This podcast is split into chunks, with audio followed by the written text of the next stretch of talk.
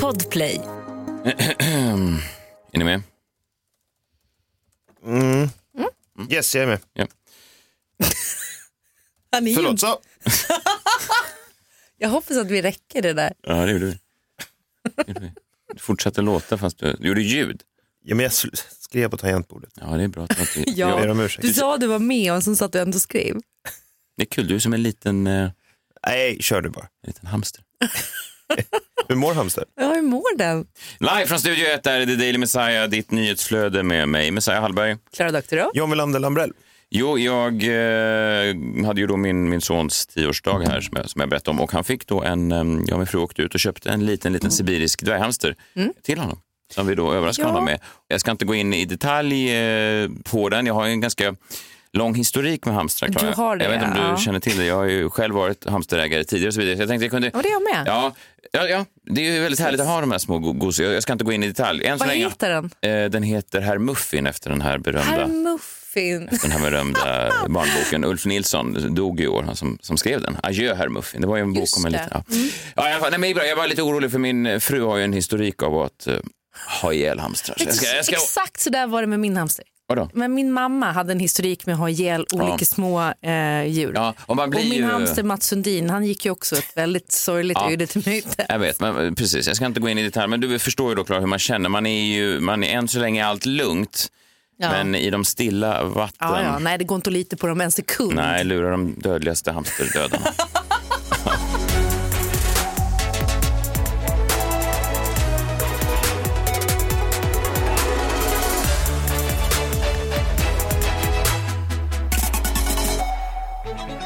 Onsdag, lillördag. Mycket har hänt i världen. Jag har de senaste uppdateringarna. Vill ni ha dem? Ja, Ja, jättegärna. Mm, okej. Netflix-serien Den osannolika mördaren har ju anmälts för eh, förtal av avliden. Vi har pratat mycket om den, gått igenom den i detalj då där Stig Engström, eh, den så kallade Skandiamannen, eh, hängs ut som Olof Palmes mördare. Och nu har det då kommit in en anmälan till JK och eh, Dagens Nyheter har då eh, begärt ut den. Det står att, att ett utpekande sker i skönlitteratur har aldrig utgjort ett hinder mot en fällande dom för förtal eller förtal av avliden. Och samma resonemang bör tillämpas även här oavsett vilken fiktion det rör sig om. Så Netflix har blivit anmälda och eh, anmälan, ska se, ja, det är en kille som heter Jon. Jon. Jon, eller John. Nej, Jon. Jon Wallander Lombrell. Oj, Låter misstänkt. Ja, men han låter vettig tycker jag. Och jag menar, om det här inte är förtal av avliden, vad är det då? ja. Alltså vad är då? Om det finns en sån lag så kan man väl tycka att det här borde falla under det. Men Eh, hölls en pressträff igår eh, angående Estonia. Den var i Tallinn. Nya undersökningsresultat presenterades angående då det här hålet i skrovet. Och det visade sig att då berggrunden där Estonia hade landat bestod av berggrund med uppstickande delar. Och nu inte jag, jag är ingen marin expert, men till och med jag hade kunnat göra den analysen. Alltså att, Tror ni att hålen i båten kan bero på berggrunden med de uppstickande? Men jag förstår Delarna. bara inte hur skrovet kan ha hamnat som det har gjort då. Nej, du ifrågasätter den direkt. Det gör jag, absolut. litar du inte på esterna? Nej. Litar du inte på Jag gör esterna inte det. och deras stolta tradition Jag har faktiskt av ester i, i familjen, så Ja, att jag, jag, jag har lite tolkningsföreträde. Ja, har Men du- nej, har du jag- inne? Ja. Kanske inte. På tal om sjunkna skepp, årets mamagala gick av stapeln här, eh, här sent häromkvällen. Vad sa du? Vadå sjunkna skepp? Jag behövde bara en övergång. Jag lägger ingen Ja, men värdering. det är väl inget sjunket skepp? Det var ju festernas fest. Ja, verkligen. Precis. Eh, många mammor fick priset. Jag har fortfarande inte fått pris som årets pappa, därför kanske jag är lite bitter. Men årets humormamma utsågs, årets utmanarmamma, årets framtidsmamma och min favorit. Och det är som att de jävlas ännu med mig. Årets peppmamma utsågs. Penny Parnevik. Hon blev peppmamma. Ja, hon blev peppmamma. Med partyväskan i ena handen och den överfulla blöjpåsen i den andra är hon en av få stora influencers som visar småbarnslivet på ett vardagsnära, varmt och igenkännande sätt. Mammarollen känns enklare och roligare med henne i flödet. Tack för peppen, Penny! Varför anar jag sarkasm här? Alltså, nej, inte alls. Det var, det var, det var just, jag har ju lite svårt just med ordet pepp. Jaha, ja men det har du verkligen. Ja, det har Årets jag- peppappa. Det sa jag. Ja, du kanske får det nästa år. Vet ni, jag var ju bjuden till galan. Jaha. Men liksom på eh, ett sätt som, ja jag vet inte. Okej, så här. Samma dag som galan går av stapeln så får jag ett meddelande på min Instagram, DM, som är så här. Hej, eh, ta inte det här på fel sätt, men vi vill eh, jättegärna att du kommer på mammagalan ikväll. Det har blivit ett avhopp. Och du är... du är en sån seatfiller. Ja, exakt. Ja, det där är ju... Jag har ju drömt om att få gå på den här galen länge för det är så många jag känner som går på den här galen men jag har aldrig blivit bjuden och det ser ut som att de har så himla roligt. Ja, Och- verkligen. Och så kände jag bara så här, nej jag kunde inte komma på en enda grej jag har i garderoben som jag ville sätta på mig. Och så ska man hem till barn, jag var tvungen att laga mat till familjen, alla de här grejerna. Det skulle bara bli stressigt. Klara, du vet att vi spelar in det här. Det här kommer ju inte leda till att du blir årets peppmamma någon gång. Årets, depp, årets det- deppmamma möjligtvis. Det, det var faktiskt deppet. Jag tackade nej till att jag, det var för att jag inte hade någonting att ha på mig. Men vadå Penny Party, vi kan Va? göra både och. Fixa det där med barnen hemma och visa upp sig på stan. Ja men hon, hon är bättre mamma än vad jag är. Jag är en jävla skitmamma ska jag säga. Verkligen, det har vi länge Ja. sagt här i programmet. Årets skitmamma. Det klingar... Men jag blev väldigt glad i alla fall för eh, en reservplats. Det är i alla fall bättre än ingen plats. Här för att dela ut priset till årets skitmamma. Förra årets vinnare, Leila Kay. Vinnare är Klara Doktorow. Åh gud. Ja, det är vi kan- två. Ja, det är härligt. Har ni hängt med kring eh, Erik Granqvist, den före detta målvakten och sen eh, målvaktstränaren och, och numera programledaren, alltså hockeyspelaren då, eh, som spelade i Luleå i många år, som gick ut då i tv först och sen i sin podd och berättade då om kulturen i omklädningsrummen. Han hade varit med om någon slags nollningsrit Ja. när han var i ungdomsåren. Och, ja, men en väldigt förnedrande, mobbande upplevelse. Och det gick han ut och berättade om och, och grät ut. Och det har ju öppnat upp massa dörrar då. Massa hockeyspelare och olika idrottsmän då som har eh, sagt att de har varit en del av det här. Och en, man kan säga vad man vill om toxisk maskulinitet, men frågan är om det kanske finns eh, något tydligare exempel på något sånt än när eh, unga killar känner sig manade och hetsade och tvungna att göra något sånt här jävla djuriskt fånigt. Ehm, så att det, men det som är lite fascinerande, jag läste Dagens Nyheter skrev ett stort reportage om honom här igår. Man kan då bara se hur länge det här har funnits med honom, för det finns då fortfarande med honom, inte bara på en rent alltså ett psykologiskt plan, utan på ett plan att han då, det här är lite absurt, bara en liten bisats i meningen, att han då spelar in nu fortfarande hockeyprogram med Niklas Gide. Sekunderna före sändning så ber då Erik Granqvist, äh, har då bett eh, Niklas Gide att slå honom hårt på överarmen sekunderna före sändning Va? för att liksom kicka igång. Ja. Och det har han inte reflekterat över förrän nu. Och nu har han då sagt, nu kanske vi kramas eller någonting istället. Jaha, han var så van vid... eh, Ja, men det- det, ja. det är som en hund som inte har, som har le- gatuhundar och sen så blir de adopterade och så kan de inte gå in i huset för att de inte har varit i ett hus någon gång. Nej. Nej, men jag menar, det är ju ganska starkt. Han, han, han har reflekterat över hundra saker hur det här har påverkat honom. Men han har inte tänkt på att, att det är konstigt att han ber sin kompis slå honom stenhårt på armen varje gång han ska vara med i tv. Ja. För att kicka, alltså att, inte det absurt, vilket, vilket otroligt tydligt tecken på att det har liksom förstört hans liv. förändrar någonting i hjärnan. Ja. Ja, ja. Obehagligt också för Niklas Gide. Alltså, han blir satt i en jobbig sits. Alltså, Kom igen, ge mig en riktig wedgie nu innan vi drar igång. Fan?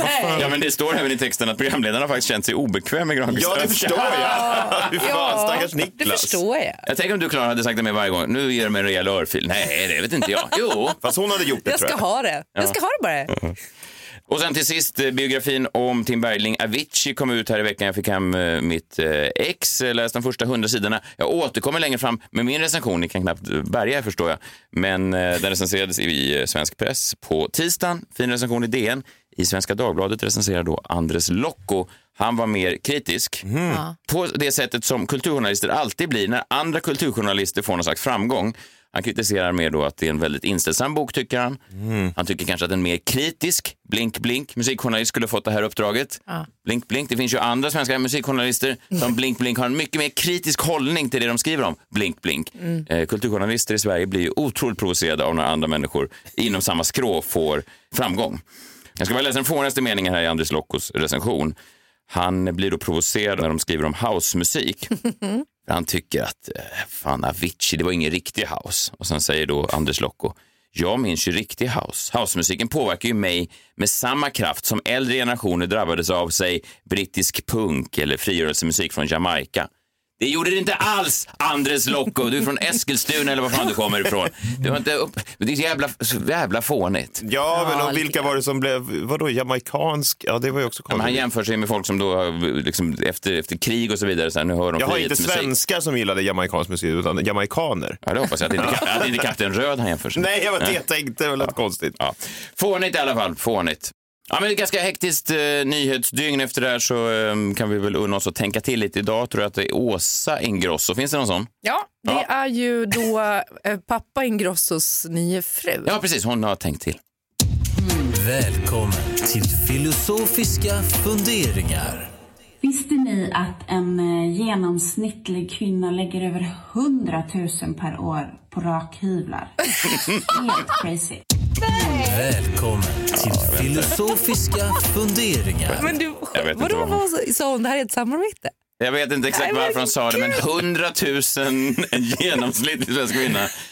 Jag tror att hon har gjort ett räkneexempel som har blivit helt galet. Ja, man undrar vilka kvinnor det är som drar upp den här alltså, Kanske statistiken. bara i familjen Ingrosso att hon har gjort en snabb gallup. Bianca, hur mycket är det?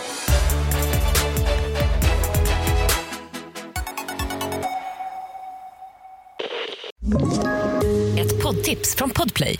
I podden Något Kaiko garanterar östgötarna Brutti och jag, Davva, dig en stor dos skratt.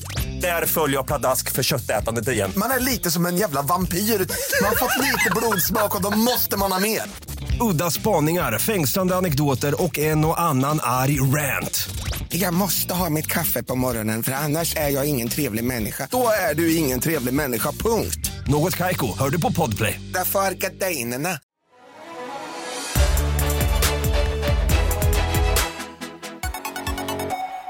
Epstein eh, Nordegren i P1 är ju mitt absolut favoritprogram Okej. på radio. Ja. Och det brukar ju sammanfalla med tiden då jag åker hem från jobbet. Men vadå, livesändningarna? Ja, Eller- precis. Ja, Ja, det går ju typ varje måndag till torsdag eller något sånt. ja, jag fattar. Eh, Men de har ju sedan en tid då en intervjuserie som de kallar Därför är jag intellektuell.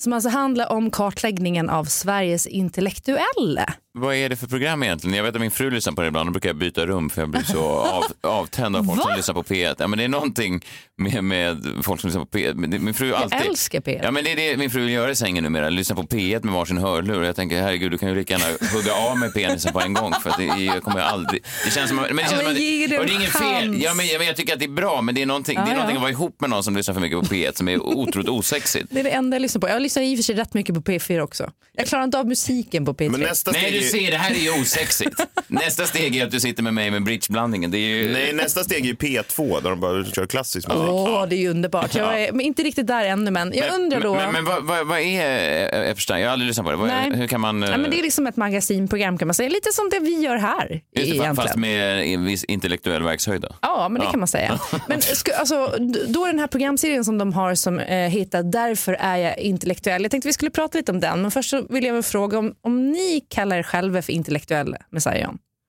Eh, ja, det skulle jag nog göra. Jag har nog gjort det ganska mycket i livet och också lite som en genväg för att slippa jämföras med folk som är roligare än vad jag är. Nej, men alltså, man, Vadå, så nej, du kan säga att okej, jag kanske inte är roligast, men jag är i alla fall intellektuell. Ja, men jag är ju, Nu är jag ju ro- roligast också, m- men inte i det avseendet som folk kanske på en hemmafest när man var 18-19 var. Wow! Men är det någon som inte kallar sig intellektuell? Ja, men Ja, men du- Om någon frågar till någon person, är du intellektuell? Nej, nej. Det är det ingen som säger väl? Ja, ja, men då har jag någonting att bjuda på här. För att jag, jag kan ju tycka att det är någonting som är lite fuffens med en intellektuell som säger att den är intellektuell.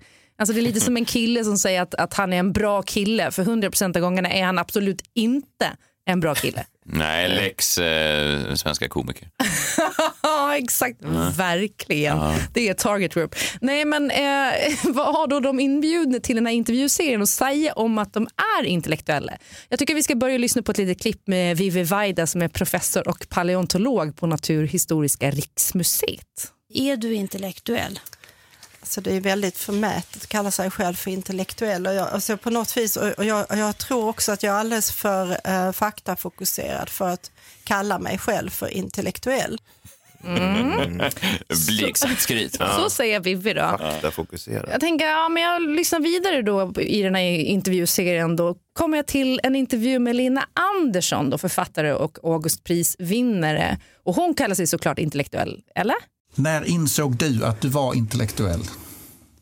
Det har jag nog inte insett. Ehm, Så du definierar dig inte som intellektuell? nej, ehm, Intressant. Intressant, Ja. väldigt intressant. Ja, efter det här så blir jag då lite sugen på intervjun med Horace Engdahl på just temat intellektuella.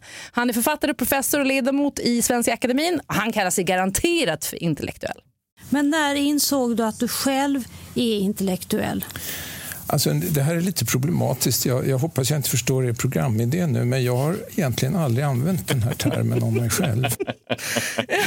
Men vad fan är det som pågår här då? vet. Min första tanke här är ju att Louise Epstein och Thomas Norgren är galna. Alltså, de kan ju inte ha en programserie som heter Därför är jag intellektuell utan att ha med en enda person som vill kalla sig för intellektuell.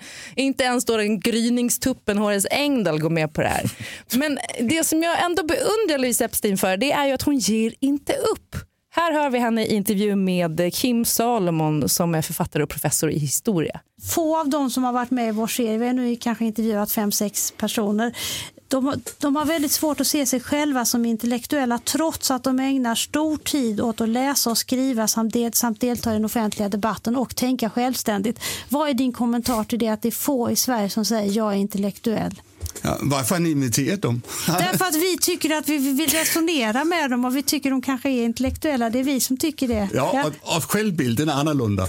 ja. Ja, Ja. Alltså, ja, det, det kan det finnas flera orsaker till. En är att de, hur föreställer man sig en intellektuell? Jo, man visualiserar eh, Jean-Paul Sartre som sitter vid ett, sitt, stam, eh, sitt stambord på Café Flor och eh, liksom nonchalant klädd och, och gestikulerande och han Mm, kedjerökarna och omgiven av entourage. Va? Det är så föreställer man sig en intellektuell och så tänker de, nej så är inte vi. Va? Det här tänker ju bevisligen ni om er själva, tänker jag då.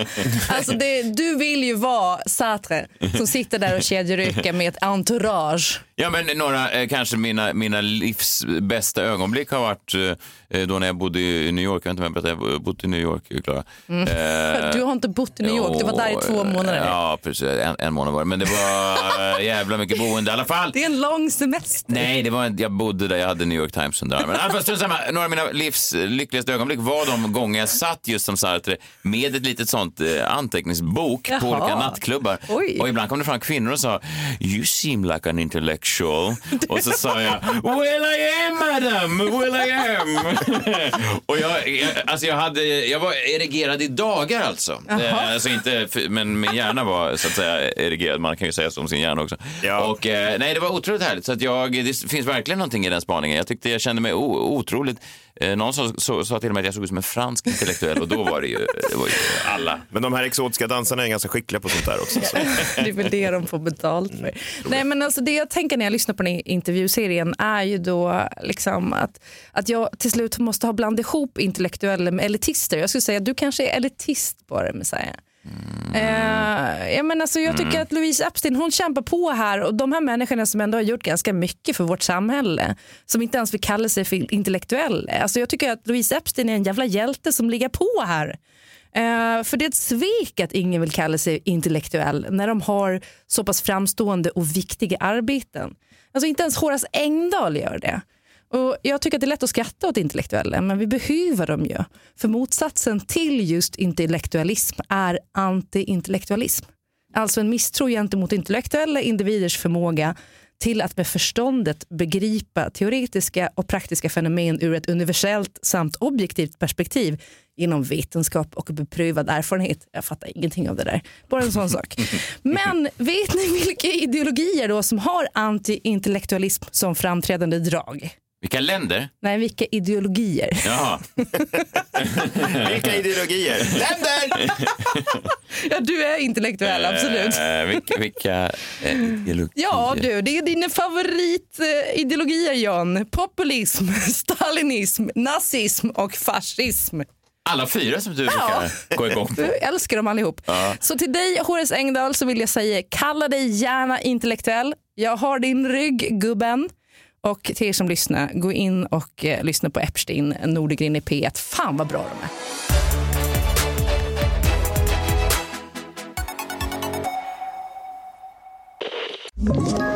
Ett poddtips från Podplay. I podden Något Kaiko garanterar östgötarna Brutti och jag, Davva, dig en stor dos skratt. Där följer jag pladask för köttätandet igen. Man är lite som en jävla vampyr. Man har fått lite blodsmak och då måste man ha mer. Udda spaningar, fängslande anekdoter och en och annan arg rant. Jag måste ha mitt kaffe på morgonen för annars är jag ingen trevlig människa. Då är du ingen trevlig människa, punkt. Något Kaiko, hör du på Podplay. Därför är gardinerna.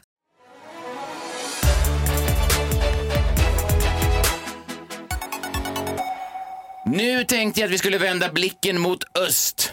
Jaha. Vad känner ni till om Kina? Jag var i Kina när jag var 13. Ingen frågade dig.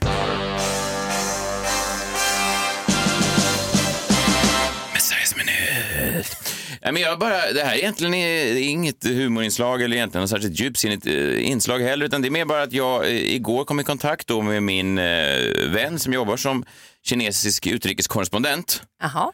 Vem då? Ja, precis. Det, är, jag ska säga, ja, det här är, det är en omskrivning. Han jobbar på torget där jag bor, så har en lokal kinesisk krog. Jaha. Ja, så att det var en kille som jobbade på den kinesiska krogen, men han var från Kina. Och han berättade grejer för mig. Okej. Förstår ni? Okej, så han var inte anlitad av någon tidning eller så? Nej, nej, verkligen inte. Det bara slog mig när han och jag samtalade att han hade kunnat egentligen tuta i med vad som helst. Mm. Eh, han hade kunnat sagt att de flygande elefanterna som, som nu går längs Pekings gator är ju jävligt störiga. Jag hade sagt mm, det låter... Alltså, det, är så, det är absurt att man har så dålig koll på ett land som enligt alla rapporter kommer dominera världen totalt de närmsta hundra åren ekonomiskt och antagligen även politiskt. Det är ju konstigt. Nej, men okej, är ni med, är ni med då? Ja, vi, vi, vi, vänder bara, vi vänder blicken och så försöker vi lära oss något nytt. Eh, Det är ju så konstigt att vi, att vi har så dålig koll. Här är då, eh, ja men passande, det här är nationalsången. Och så kan vi prata på det här tänker jag, kan, att jag kan berätta då. Ja. Senaste nytt ifrån Kina. Det kanske blir, blir konstigt om jag pratar, det, blir kanske, det kanske stör det här. Ja, lite. Gör det? Kanske. Ja. Senaste nytt ifrån Xi Jinping. Yes. Ja, vi stänger det. Ja, men Som då ledaren Xi Jinping. Det man har hört egentligen, om man är på den intellektuella nivån jag är, så är det egentligen att han ser ut som Nalle Puh. Det är det de har rapporterat. Ja, det är det de...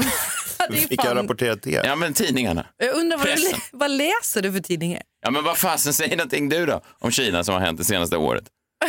Om Kina som har hänt det senaste Ja, året? ja. Ja, Ja. var ska vi börja Nej. någonstans? De har ett nytt deltautbrott till exempel. Ja, det är coronaviruset. Ja, ja, ja. Nej, bara att det, det är väldigt lite. Det var ju som, det var, ju, var det Alla mot alla, Filip och Fredrik eh, hade en sån, eh, vad kallar de den, idiotfrågan eller något sånt där. Ja. Mm. Ja, de frågade, kan du nämna en eh, levande kines? Ja, just det, förutom Xi Jinping tror jag det var. Den tror jag Nej, jag tror inte det. Jag tror man Nähä. nämna Xi Jinping. Ja, okej. ja, en levande kines. Och det var något lag som bara... Fan. oj, oj, ja. Nej, ja. Ja. Nej, men det är ju typ så. Ja, det är ju hemskt. Om man inte kan Xi Jinping så kan man inte någon. Jo, men man kan väl några Ja, såklart. Yao Ming, Ja, men- basketspelaren. Och, Ja, Häng Mong är också där. Vem... Det är den restaurangen som jag var på igår. Jo, men den är ju döpt efter honom. Jaha, ja, då ber jag om ursäkt. Ja. ja, men här är senaste nytt då från eh, det stora landet i öst. Det finns ju andra sätt att tillgå information från det ska jag säga. Alltså, Än att prata med- Ja, men det, ja verkligen. Det, det finns ju så här reportrar i Sverige som Ola Wong till exempel som har en stor, nu som hittar på hans namn, det är, han, är, han, är, han är Sveriges främsta Kina-expert. så här. Och det finns säkert folk som lyssnar på det här och räcker upp handen och säger, men mm, mm, Messiah, jag kan, jag har visst hört, man säger, jag kan. Så, sådana finns ju alltid. Ja. Men jag vänder mig inte till sådana. Ha inte oss som primär eh, Kina-nyhetskälla menar du? Nej, det kan man ha, men jag tycker det är, det, är provocerande med folk som påstår att de kan jättemycket om Kina. För ingen kan jättemycket om Kina. Det senaste från Kina då. Förra veckans toppmöte då, eh, där Xi Jinping, då, det, kommunistpartiet hade då en stor mässa och eh, det beslutades då att han ska då skrivas in i kommunistpartiets historia, alltså, eh, som då bara två personer innan, eh, Mao Zedong och Deng Xiaoping. Och jag ska säga att Mao, ja, han har jag koll på. Deng Xiaoping, Inte så bra. Nej, inte så bra. Men han är då den tredje i historien som gör det här. Och det innebär då att numera måste man då studera den levande eh, Xi Jinpings tankar och idéer och filosofier. Jaha. Alltså journalister i Kina måste numera då från och med den här veckan studera hans tankar.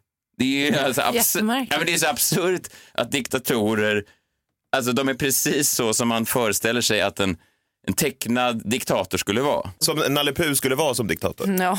Ja, ja, men, ja, men det, det är liksom att det är ingenting nytt på diktatorfronten. Om man skulle hitta på en serietidning med en diktator så skulle han göra exakt så. Jag vill att alla, från åttaåringarna i skolan till de gamla journalisterna, ska studera allt jag tänker och känner. Och det, ska, nej, men det är som ett skolämne då, åttaåringar ska sitta och läsa. Det är ju absurt. Ja, det är starkt. Och det påminner mig lite om eh, en komiker som heter John Mulaney. Han hade en eh, rutin om Donald Trump förut.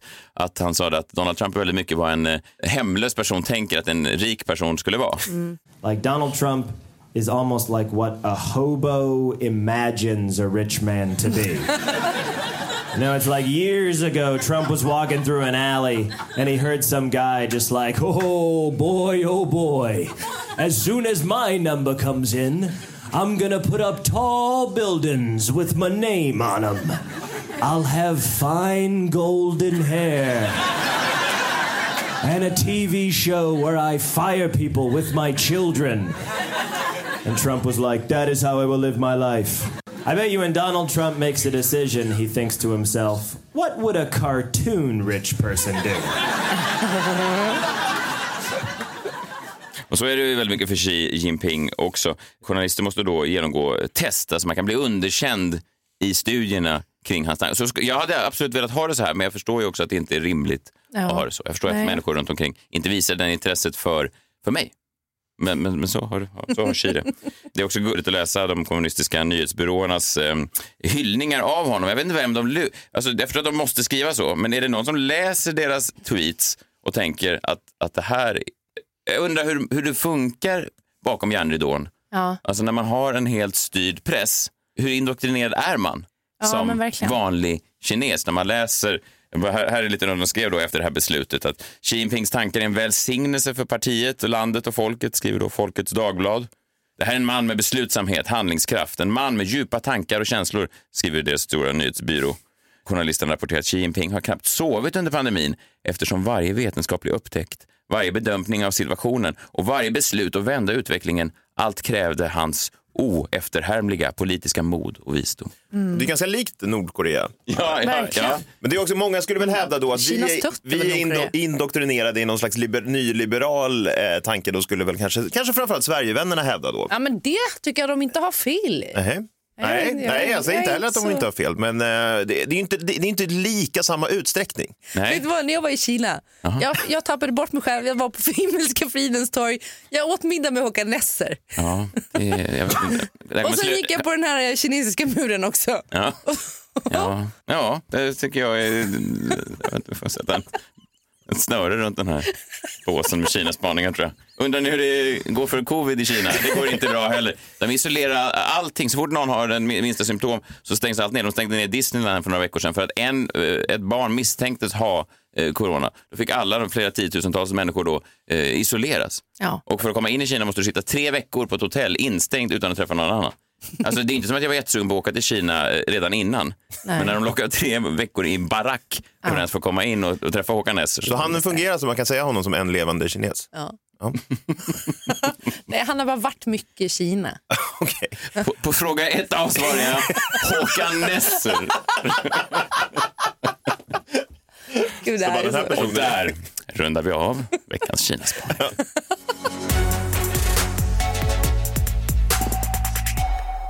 Vi har lärt oss en hel del i dagens avsnitt. Eh, Tack för att ni lyssnar. Gå gärna in och följ oss på sociala medier. At the Daily Messiah. Jag såg att vi la upp eh, den här diabeteskampen från eh, gårdagens avsnitt där på Instagram. Det var kul att se. Mm. Ja, det de kul att se i bild. Men jag tyckte det såg väldigt roligt ut.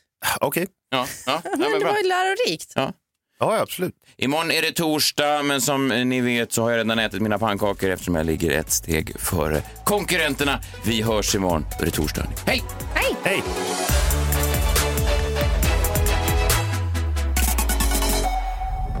Podplay, en del av Power Media. Ett poddtips från Podplay. I podden Något Kaiko garanterar östgötarna Brutti och jag, Davva, dig en stor dos skratt. Där följer jag pladask för köttätandet igen. Man är lite som en jävla vampyr. Man har fått lite blodsmak och då måste man ha mer. Udda spaningar, fängslande anekdoter och en och annan arg rant. Jag måste ha mitt kaffe på morgonen för annars är jag ingen trevlig människa. Då är du ingen trevlig människa, punkt. Något Kaiko, hör du på Podplay. Därför är gardinerna.